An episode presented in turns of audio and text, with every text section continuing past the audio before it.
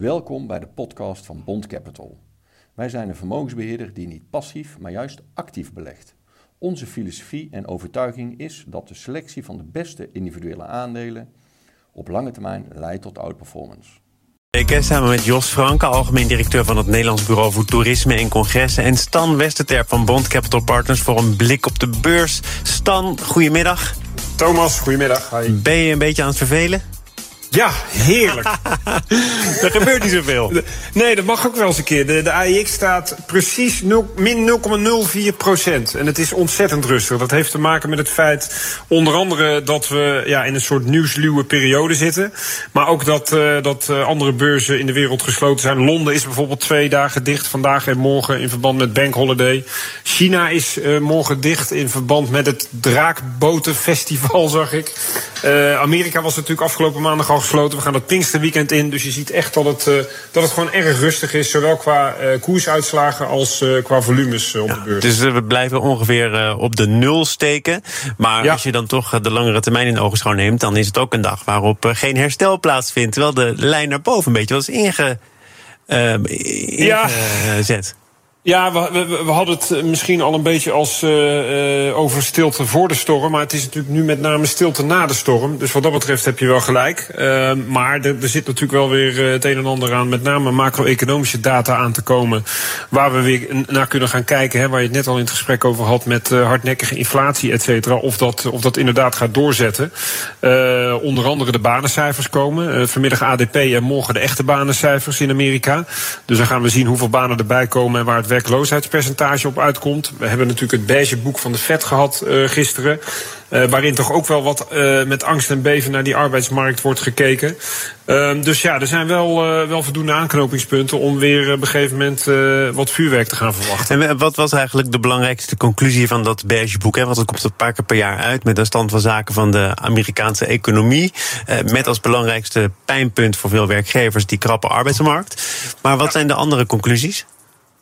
Nou ja, dat is eigenlijk wat je, wat je net al zegt inderdaad, hè, die arbeidsmarkt. Maar de meerderheid van districten, het zijn er, het zijn er twaalf Federal Reserve districten... Uh, ja, die was toch sprake van aanhoudende, economische groei.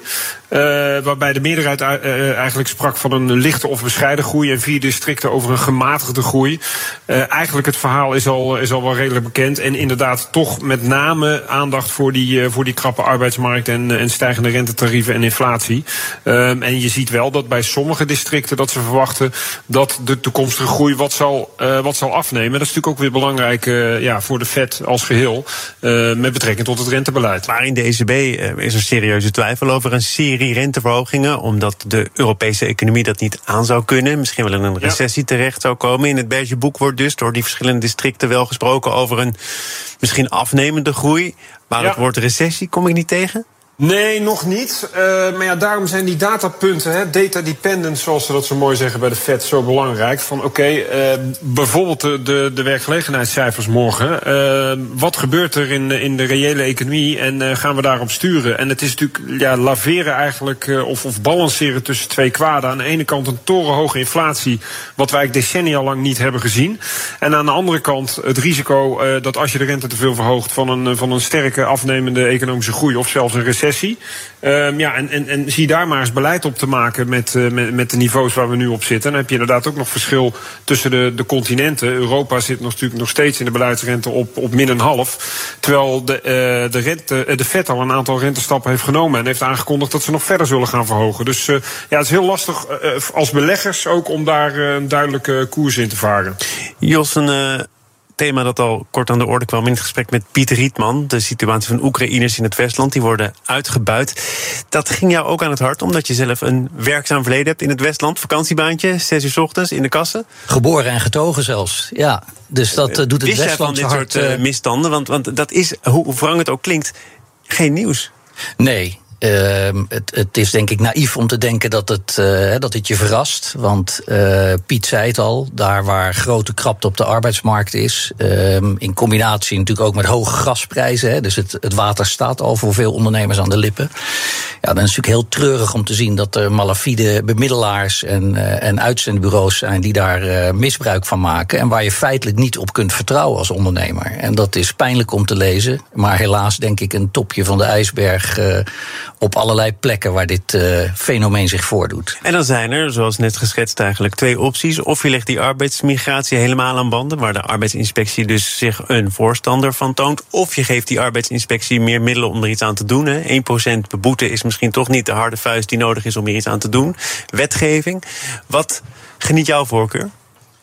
Nou, kijk, die arbeidsmigratie is door de decennia heen nodig gebleken. Zeker uh, op dit uh, deel van de markt. Uh, dat is ook niet nieuw. Ik zou zeggen, het vaak in Nederland, helaas niet alleen op dit dossier, is handhaving uh, een probleem. dat zien we in allerlei sectoren waar wetgeving en regelgeving is geïntroduceerd. Aan die wetten ligt het vaak niet, maar wel op de handhaving daarop. En dat lijkt hier ook een beetje het geval te zijn. We gaan uh, naar de Eemshaven, dan naar het energiebedrijf RWE, want uh, daar krijgt er een energiecentrale bij. Kun je de deal kort uitleggen? Ja, uh, RWE neemt de Magnum elektriciteitscentrale van uh, Vattenfall, dat we kennen van Nuon, het moederbedrijf van Nuon, over in de, in de Eemshaven. En die elektriciteitscentrale bestaat uit drie stoom- en gasturbines.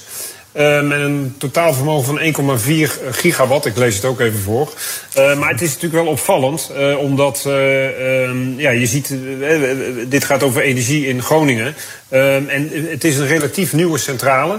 En wat RWE eigenlijk voor ogen heeft, is wat er ook gezegd wordt, is dat ze op termijn die, um, die centrale volledig op waterstof zouden moeten kunnen draaien. Wat natuurlijk heel interessant is in de energiemix. En daar komt bij dat RWE al een elektriciteitscentrale zelf heeft in Dus ik begrijp ook wel dat ze, dat hierop zaten te azen. En ze betalen er uh, 500 miljoen euro voor. Dus uh, het is ook nog behoorlijk wat geld waard.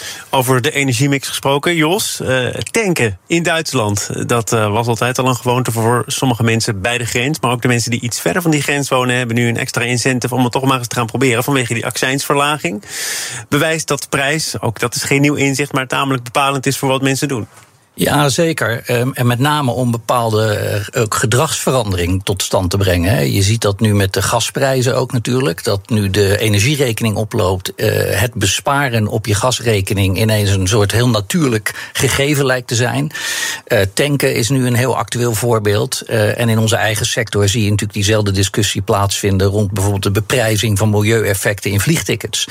Dus de vraag is inderdaad wanneer en in welke mate zet je dat prijsinstrument in. Maar de actualiteit uh, leert wel dat het in ieder geval in Nederland uh, uh, effect heeft. Maar de, de beprijzing van milieueffecten in de ticketprijs voor een uh, vliegvakantie. Dat is toch allemaal zeer beperkt op dit moment? Uh, exact. Uh, dus het is meer de vraag: moet je dat niet gaan doen? Hè? Moet je niet naar fair pricing gaan en daarmee het prijsinstrument ook inzetten als een van de middelen om gewenst of ander gedrag tot stand te brengen? En is dat voor jou nog een vraag of zou dat al een gepasseerd station moeten nee, zijn? Nee, dat zou wat mij betreft een gepasseerd station moeten zijn kijken of er nog een vraag is van Stan voor Jos. Zou kunnen.